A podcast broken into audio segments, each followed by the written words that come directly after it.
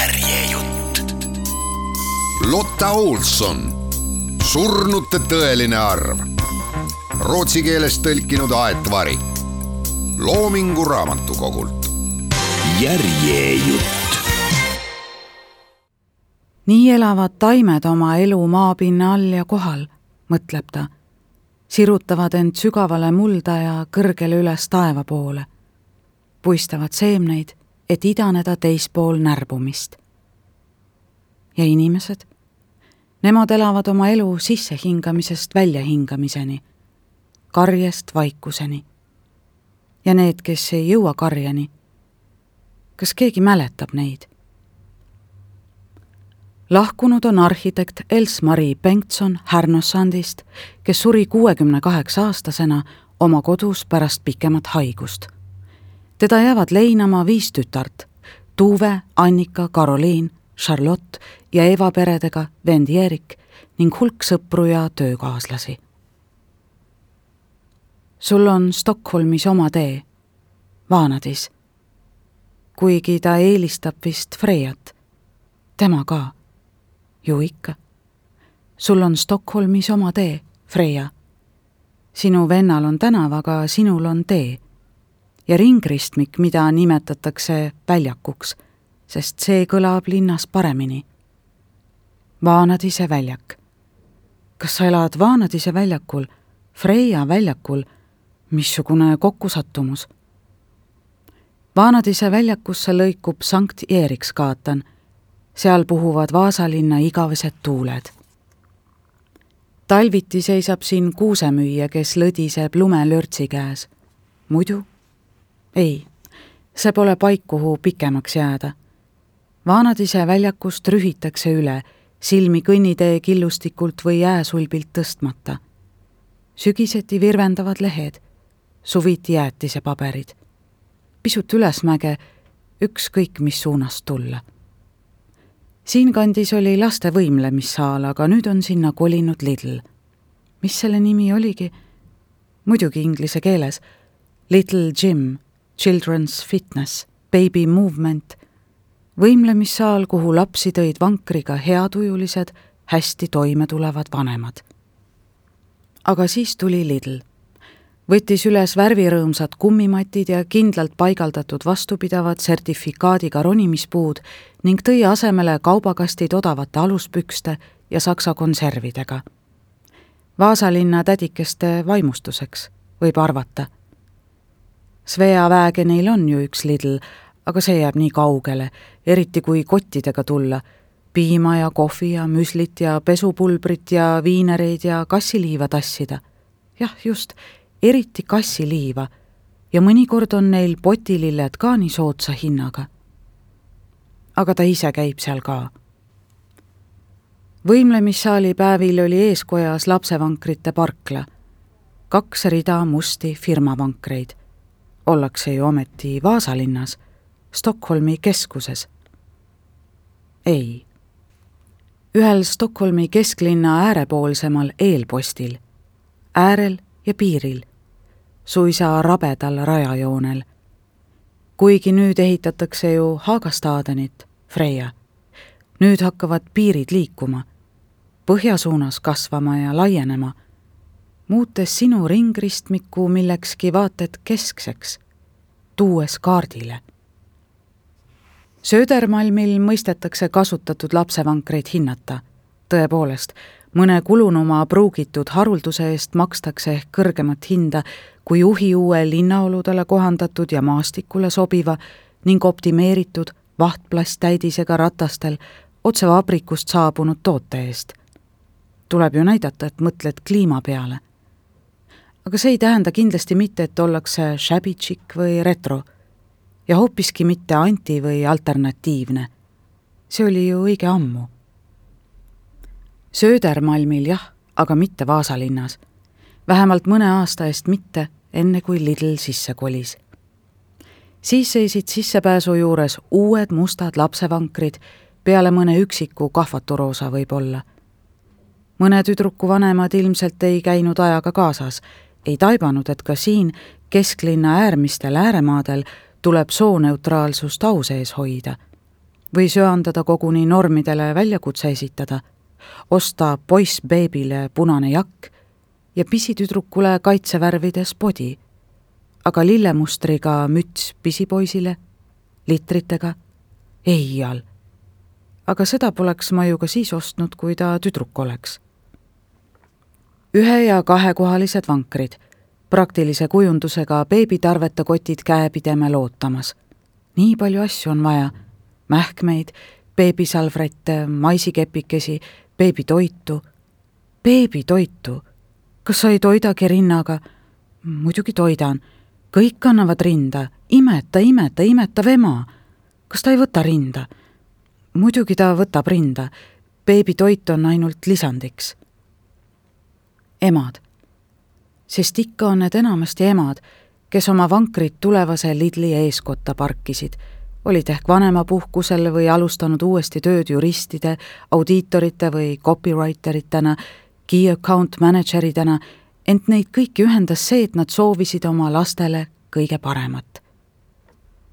kas pole see mitte kõigile emadele ühine, taipab ta äkitselt, et nad tahavad oma lastele kõige paremat.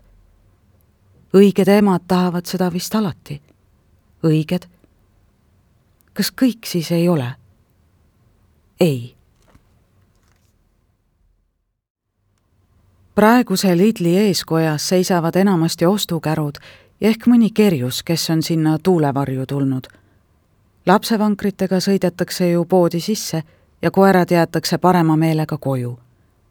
kes julgeks tänapäeval veel koera poe ette rihma otsa jätta? Lidli ette Vaanadise väljakule. sellesse jumalast maha jäetud paika, mis on laenanud nime jumalannalt, laenanud nime sinult, Freia aga see naine võiks ju koeri valvata. see vanemapoolne naine, kes seal tihti istub. või on ta ikka vanemapoolne? lapsed kiletatud fotol, mida ta enda ees hoiab, paistavad ju väikesed. aga ehk on pilt tehtud ammu või on lapsed hoopis kellegi teise omad või mitte kellegi. kuidas mitte kellegi? Nad on ju olemas või olid olemas, kui pilt tehti ta istub seal, nagu nad ikka istuvad, samasugustesse sallidesse mässitud, nagu nad kõik, ja leelutab monotoonselt. tere, tere, suur tänu, pliis. või hiljem, kui päev pärastlõunasse kaldub, tere, tere, tere, tere, ikka ja uuesti, nagu laul või palve, sõgeduse litaania, the soundtrack of our lives aeg-ajalt viskab keegi talle mündi, leivatüki ehk ka puuvilja. ta konutab ju seal nagu koer. muidugi usaldame rihma tema kätte. kas Freia on ka tema jumalanna? Freia, kes valvab emade ja laste üle. kus ta küll seda oli lugenud? Võib-olla Vikipeediast? Krister ei kirjutaks ju ometi ealeski nii. viljakuse, elujõu ja armastuse jumalanna kirg ja kannatus, surm ikka ligi. aga nüüd on meil uued jumalad ja me otsustame ise, kelle päralt on maailm, kes tohib sündida enne, kui sureb ja kes ei saagi võimalust või pääseb, mõni nimetaks seda küllap pääsemiseks. Tema ise, naine, kes alati Lidli juures istub, kõik naised, mitte mehed, naised. meeste võim ei maksa maailma asustavad naised. kas tema mõtleb nii? ei. tema mõtleb, et surnute arv ületab elavate arvu. ometi on meid nüüd nii palju, rohkem kui eales varem. teel surmast surma lohistame oma hapraid kehi ehast Koiduni ja uue ehani. Aga surnute arv ületab elavate arvu teatame, et on lahkunud insener Else-Marie Otterlund Brummast lähimad leinajad on poeg koos naisega Füürviigis ja kolm lapselast. Els-Marie Otterlund elas kaheksakümne kahe aastaseks. meeste võim. mis on nende võim? Nende võim, kes hommikuti Vaanadise väljakult allamäge rühivad, teel metroosse või Seven Elevenisse. Nende võim, kes tingimata tahavad elada kesklinnas ning on ostnud korteri linnasüdamesse kuid selle odavamasse, kaugemasse nurka. ei, muidugi pole asi selles, neid lummas lihtsalt korteri võlu. Nad nägid potentsiaali. ja muidugi on see tore ümbruskond, nii Udenplaan kui ka Sankti Eriksplaan on õige lähedal. ja Haaga park, ärge unustage Haaga parki. Ehk viisid nad kõigepealt lapse lasteaeda ja nimetavad seda muidugi lasteaiaks, mitte eelkooliks, kuigi eelkooli õpetajad lakkamatult osutavad, kui väär ja isegi solvav on niisugune kangekaelsus. Nad on ju tänapäeva mehed, isad, kes on laste jaoks olemas, aktiivsed, osalejad. loevad raamatuid, milles on juttu uinumismeetoditest ja maitseportsjonitest. Muide, kas tõesti on olemas raamatud, mis räägivad maitseportsjonitest vähemalt lastepolikliiniku brošüüre loevad nad kindlasti. Nad võtavad end tähtsast tööst vabaks, et olla kaasas vaktsineerimisel ja teistkordsel vaktsineerimisel ja mõõtmisel ja kaalumisel. kontrollivad, et nad järgiksid kasvukõverat ja nad tähendab siinkohal eeldatavasti lapsi. vaevalt küll emasid ja neid endid. Vähemalt esimesel aastal. hiljem võivad nad ju seda naise või tüdruksõbraga kordamööda teha mis on nende võim? Nad rühivad mööda Sankti Erikskaatanit allamäge, lehviv mantel villase ülikonna peal, peavad ette vaatama, et mitte libastuda, sest aastaajast hoolimata kannavad nad õhukese tallaga kingi. kui neil just pole jooksutosse, sniikereid, neid on ju vahel ka.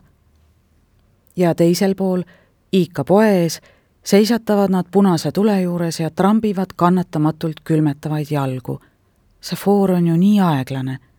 aga punase tulega üle minna nad ei taha, mitte nüüd, kus nad on lapsevanemad ja eeskujuks. siis kõnnivad nad ikkagi punase alt läbi. ei, nad ei kõnni, nad jooksevad, tallad asfaldil plagisemas kliketi-klaketi ning tõstavad mobiiltelefoni hoidva käe kiireks tänulikuks tervituseks neile autodele, kes pidurdavad, et paremale keerata. juba kõnniteel kliketi-klaketi mööduvad nad paari pika sammuga pangaautomaadist ja prügikastidest, klikk-klakk, ja kaovad metroo rasvaplekiliste klaasuste vahele. allmaailm neelab nad, võimumehed. mis maksab nende võim tema, naise vastu ja Lidli naise vastu, kõikide naiste vastu, kõigi sinu õdede võimu vastu, Freia. kas nad on ikka Freia õed küsib ta nüüd endalt. Freia lapsed, Freia sarnased. ja ikkagi. võimetus. vere läppunud lõhn, kui ei peaks. asjatu ootus, kui oleks aeg. tuim valu kõhus. alati kõhus, alati, alati kõhus. alati algab kõik kõhust. Kõhutunne, nii ju öeldakse ja see pole midagi, mis oleks vaid naistele omane kõhutunde järgi käia. ikka algab see kõhust ja verest. kuidas võis ta vere unustada? veri, Freia. inimesele algab kõik verest, nagu kõigile imetajatele. kuidas tal oligi kombeks öelda, kui tema ja õeraas väikesed olid? Varsti on poisid platsis, ütles ta. Nende isa varsti tuleb mul neid haavlipüssiga minema ajada. nii ta ütles. nii ütlesid isad. küllap ütlevad isad nii veel praegugi, kuigi haavlipüssiga, kas pole siis mõnd kaasaegsemat, urbaansemat viisi? ja need uued aktiivsed osalevad isad ka, kas nemad ka oma tütardele nii ütlevad, täpselt nagu nende emade isad?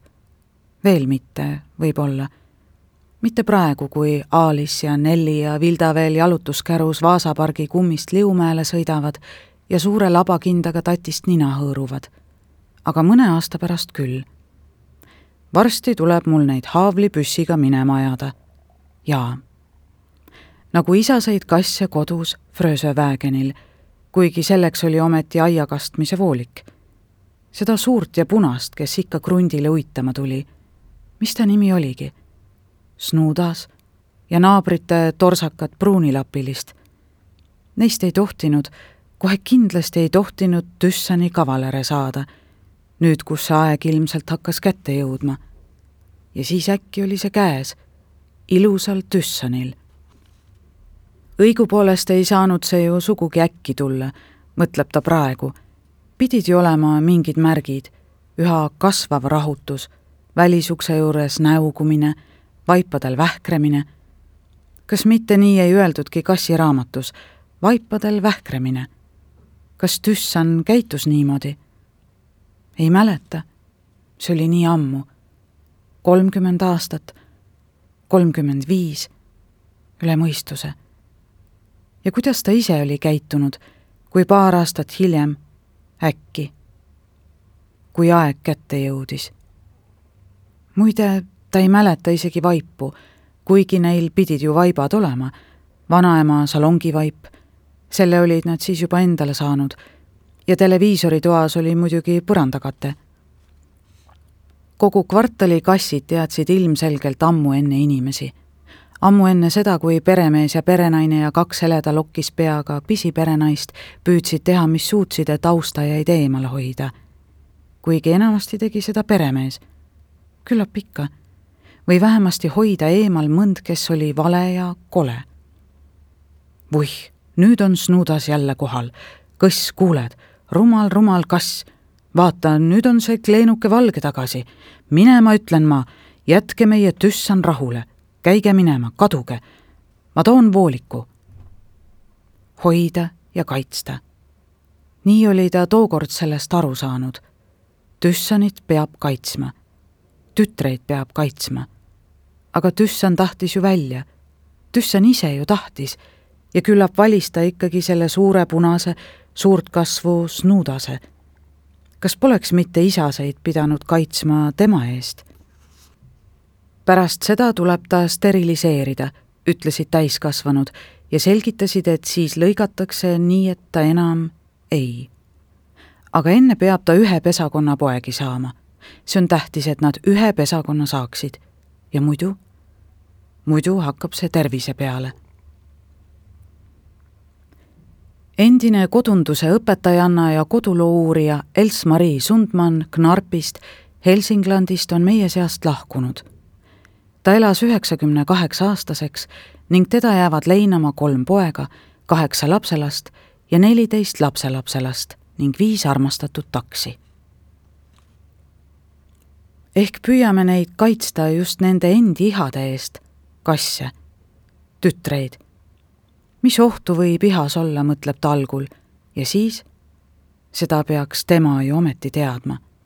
tema ju ometi. Sa oled ju paljude jumalanna, Freia. neli poega, kaks halli, täpselt nagu tüssan, kaks punast, isasse.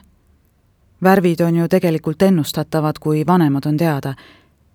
siin peab ta end parandama, isa, kui isa on teada emas ei kahelda ju kunagi. või siiski, Freia, kaheldakse küll. oodatav tulem. Ta on seda kassikasvatajate kodulehekülgedel näinud. nii kirjutavad nad siis, kui tulemas on uus pesakond. oodatav tulem missuguste värvikombinatsioonidega võib arvestada, olenevalt sellest, kas pojad on emased või isased. Need on nimelt erinevad oodatav tulem pärast pimekohtingut Grand Hotelli verandal. tüdruk, punapea, tedretähniline, tsöliaakia, diabeet. poiss, tuhkblond, eesmine risthambumus, ADHD. neli poega, Pepsi, Sprite, Zingo ja ei, mingi karastusjook, mille nimes on ka S-täht, kuna see osutus hirmus tähtsaks. kassi nimedes peab S olema, pidage meeles tal on meeles, kuigi mitte selle neljanda, tolle teise hallika, jaa, Frisco. aga seda vist ei toodeta enam. See oli mingi kohalik Seven-Upi koopia. Pepsi, Sprite, Zingo, Frisco. mõne nädala oli Tüssan nende ema. ei, ta oli muidugi alati nende ema, kuni surmani. omaenda ja nende isegi kui pojad temalt ära võeti, isegi kui oli, nagu poleks neid kunagi olnud ja ta neid enam ei mäletanudki. alati nende ema. alati ema. Ja tema ema, oli ju aeg, kus ta polnud kellegi ema. ja pärast alatiseks. ka nüüd, pärast oma surma. eks ole, Freia? surm ei tühista emadust. mitte see surm, Freia. mitte ema surm üks poegadest tuli hiljem külla, paar nädalat pärast äraviimist. väike punane Singo, kes oli leidnud kodu Kaarini ja Bengti juures Enšedes. Vaata, tüssan, vaata, tüssan, kes siin on, kes sulle külla tuli. üldine vaimustus ja ootus. Singo, kes oimetuna puurist välja ukerdab. tüssan, kes küürutab põrandal kõht vastu parketti, saba madalal, huuled irevil. ja siis urin, tume jõrin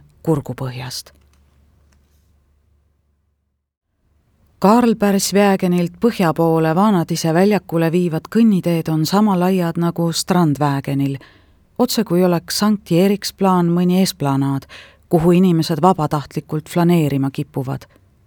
Vaasalinna nurjunud unistus puiesteest.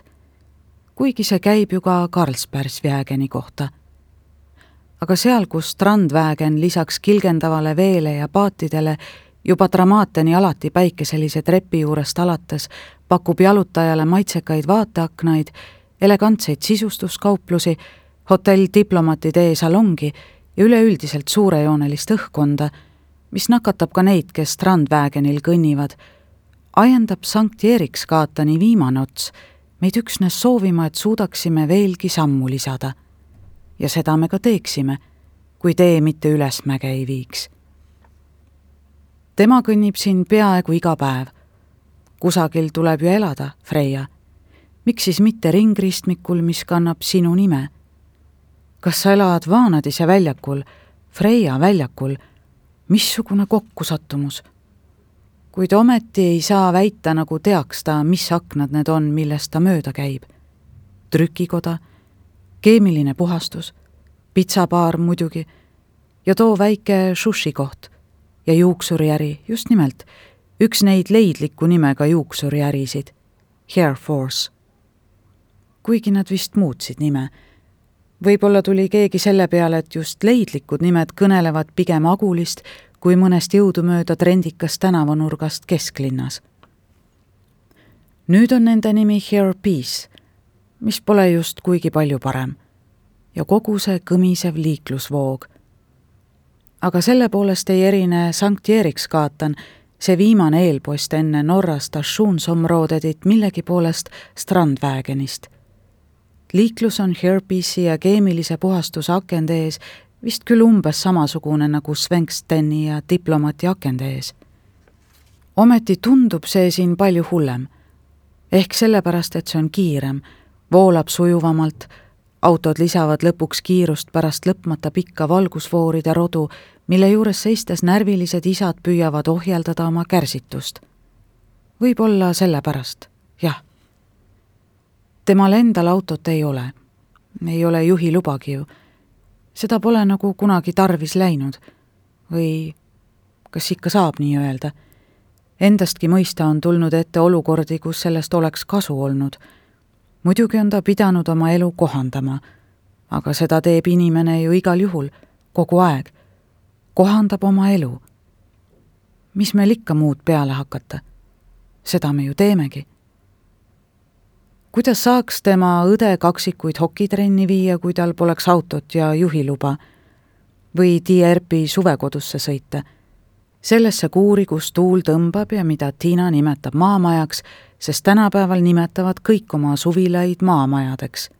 ja kõigil, tõepoolest kõigil, on säärased olemas. vähemasti nendel, kes elavad siin Euroopa, Stockholmi, Vaasalinna äärmise ääremaa äärel. praegusel ajal, just praegu, just siin, nimetatakse seda maamajaks või lihtsalt maaks. meie maa on Tierpis aga võib-olla ütlevad nii ainult lapsed. ilma autota ju ei saaks. meie seast on kaheksakümne seitsmendal eluaastal lahkunud Else-Marie Auberry Eld Nütschöpingist, keda jääb meenutama aastatepikkune töö toiduainete tööstuse juhtivtöötajana. teda jääb leinama maailm, ja tema perekond. abikaasa Ulof ning poeg Andreas koos elukaaslase Edvardiga Stockholmis. Kõnniteed palistavad puud. kuidas nad on lihtsalt puud? kuidas tal polegi õnnestunud ära õppida? vaher, jalakas. mis puu see on, millel on niisugused ninad? kas pärn? eks ole, Freia? see on pärn ta peaks tõesti püüdma, vähemalt tavalisemaid teadma. see on nagu lilledega, kuidas ta koos Martiniga või oli see Johniga, ei mõistagi Martiniga, ükskord päris alguses, kord ammu tõepoolest õppis selgeks mõned taimeliigid, mis elutsesid Lilian Skugeni kraavides ja lagendikel ja kaugemal Stura Skugani varjus, nii et need äkitselt esile tulid, said nähtavaks. Kuidas nimetamine ise tõstis need ebamäärasest virvendusest silmanurgas millekski selgeks ja eristatavaks. soolikarohi, ojamõõl, hobumadar, kummel, kirju püvilill, harilik moorputk. see oli vist see, millel oli must täpp keset tihedat valget, õiekobarat, õiepuhmast. kuidas seda kutsuti? ta ei mäleta ja pealegi oli see vist kollane, mitte valge. valge oli ehk porgand, selle musta täpiga. ei. et see lihtsalt ei jää külge. Sama lugu lindude lauluga, võimatu meeles pidada. lindude enestega tal nii keeruline ei ole, neid tunneb ta ju päris palju ja neid, keda ta tunneb, ta tõesti ka näeb.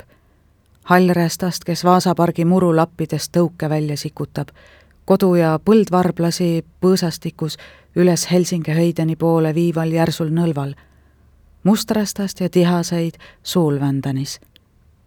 ja nende laulud, lootusetu, kuidas ta ka ei püüaks, täpselt nagu Lilli Anskugeni kraavifloora. küllap läheks ka puudega samamoodi. mõni aasta tagasi vahetati osa siinsetest puudest välja. jaa, Vaasa linnal on olemas haljastusplaan jah, küllap on säärane olemas kogu kesklinna kohta, kogu Stockholmi, Rootsi, maailma kohta, plaan selle kohta, missugused puud tohivad kasvada ja kus. Ka niimoodi võib see välja näha, mõtleb ta.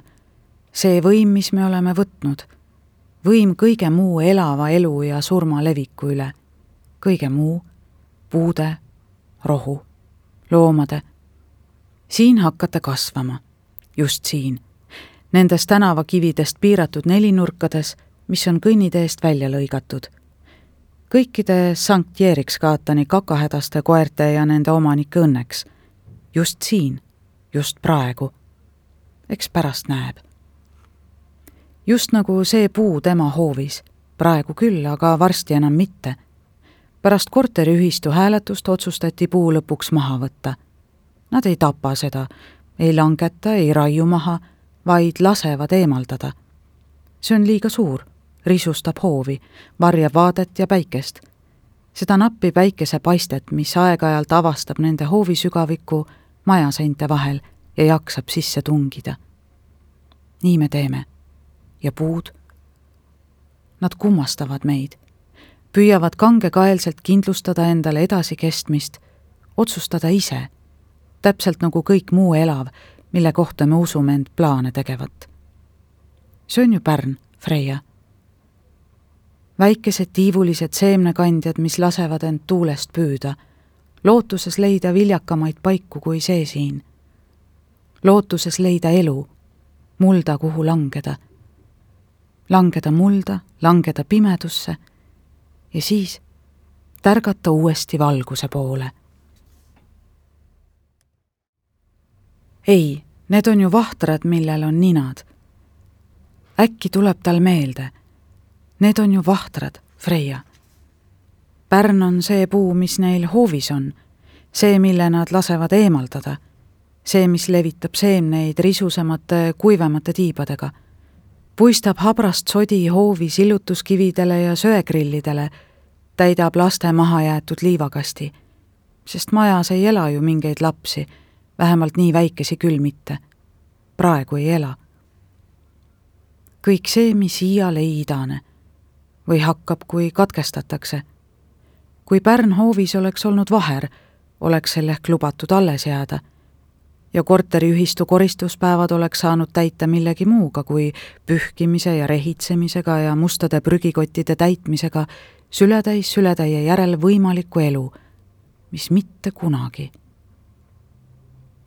aga võib-olla vajavad vahtrad rohkem valgust ja ei kasva hästi sisehoovi ahtakeses varjus või tahavad ajada oma juuri sügavamale, kui lubab keldri ja pesuruumidega piiratud mullakiht. kust võib tema teada? Els-Mari Zetterström suri kõigest neljakümne ühe aastasena vaikselt novembris oma kodus Lilla Essingenis, Stockholmis pärast lühikest haigust Els-Mari Zetterströmist jäävad maha abikaasa Fredrik ja lapsed Tom, Ella ja Hampus, vend Jeerik naise Helenega Kramforsis ja ema Veronika Stockholmis. oma magamistoa aknast näeb ta Helsingehöideni mänguplatsi ja kuuleb selle hääli peaaegu igal pool oma korteris. see mänguplats on küllap üks siinkandi meeldivamaid aga ilmselt peab just nimelt siinkandis elama, et sellest üldse midagi teada. ühelegi suuremale tänavale see ju ära ei paista, sest asub nii kõrgel üleval, otse kui väikese mäe otsas, mille tipp tõepoolest keskel ülespoole kerkib nagu künklik saar asfaldimeres. ei, eriti tuntud see ilmselt ei ole ja ometi paistab, et üha rohkem inimesi leiab siia tee. lisaks uuendati selle varustust mõni aasta tagasi toodi uued ronimispuud ja piirdega väikelaste aedik kukkumissõbralikku otse kui maalt toodud laastudest pinnakattega ning Saksamaal toodetud puust taluloomadega, paari kanaga, eesliga, pikutava hobusega, kelle selg on ebaproportsionaalselt pikk, nii et kolm-neli, koguni viis väikest veekindlas kombes lapsukest mahuvad reas ratsutama, aga lakast kinni hoida saab üksainus. või sai nüüdseks on viimanegi jupp saksa kanepiköid küljest kistud või patsideks punumise käigus lahti tulnud. Mõnikord kostavad tema neljandale korrusele valjud hõiked, nutt, ootamatu naer, kile ei või tüdinud lõpeta, kuid enamasti tajub ta seda üksnes suminana, mingi omal moel erilise toonina. Sedalaadi meloodilise taustana, mida tekitavad laste õuemängud. Samasugusena nagu supelrannas kõige soojematel päevadel, kui me päikese käes lesides kuuleme suplejate hääli. On see õnnelik hääl? jah, küllap tuleb nii öelda. kindlasti pole see häiriv. kui, siis ainult mõnel päeval, säärastel päevadel, kui tööd on kuhjunud. teisalt on sääraseid päevi viimasel ajal päris palju olnud. võib-olla mitte sellepärast, et tööülesandeid oleks rohkem pärast seda, kui temast sai vabakutseline, on neid pigem vähem, vaid nende kõigiga on rohkem tööd. Toimetajalt eeldatakse tänapäeval ju peaaegu, et ta raamatu ise kirjutaks. niisugustel päevadel on tunne, et häälte kõlavärv on teisenenud ja mänguplatsi, argipäevadel kooliõue reibas sumin hoopis painab teda, ärritab teda, järab teda ning ta hoolitseb selle eest, et tal oleks kusagil kaugemal asju ajada, kuni vähemalt söögivahetund läbi saab. on ta siis vahest helide suhtes tundlikum kui enamik inimesi? Martinil oli ju kombeks nii öelda, vähemalt siis, kui ta ventilaatori peale pahandas.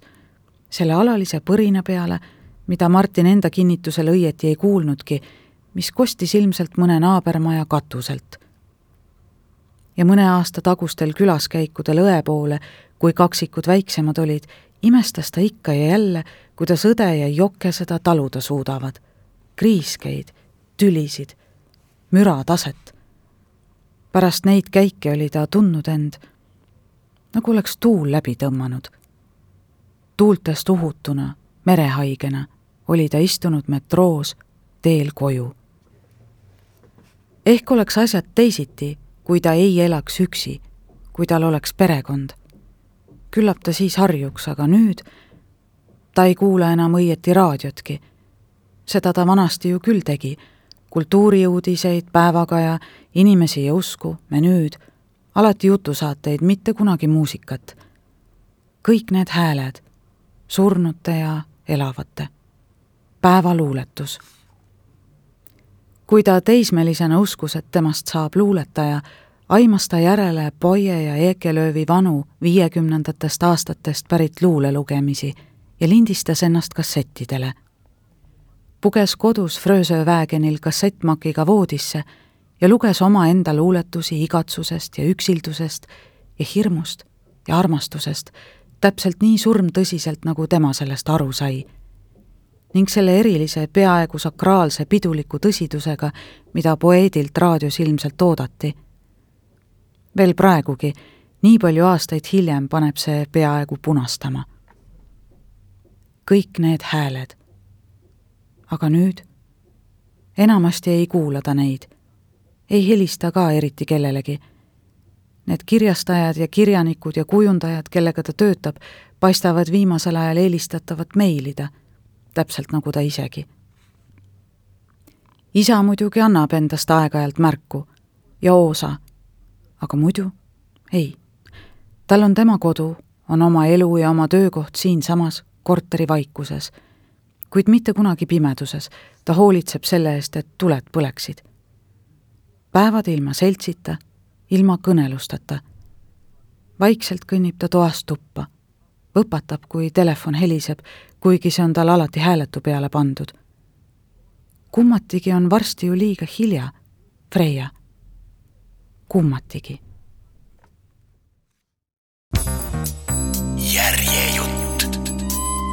Lotta Olson, surnute tõeline arv rootsi keelest tõlkinud Aet Vari Loomingu Raamatukogult.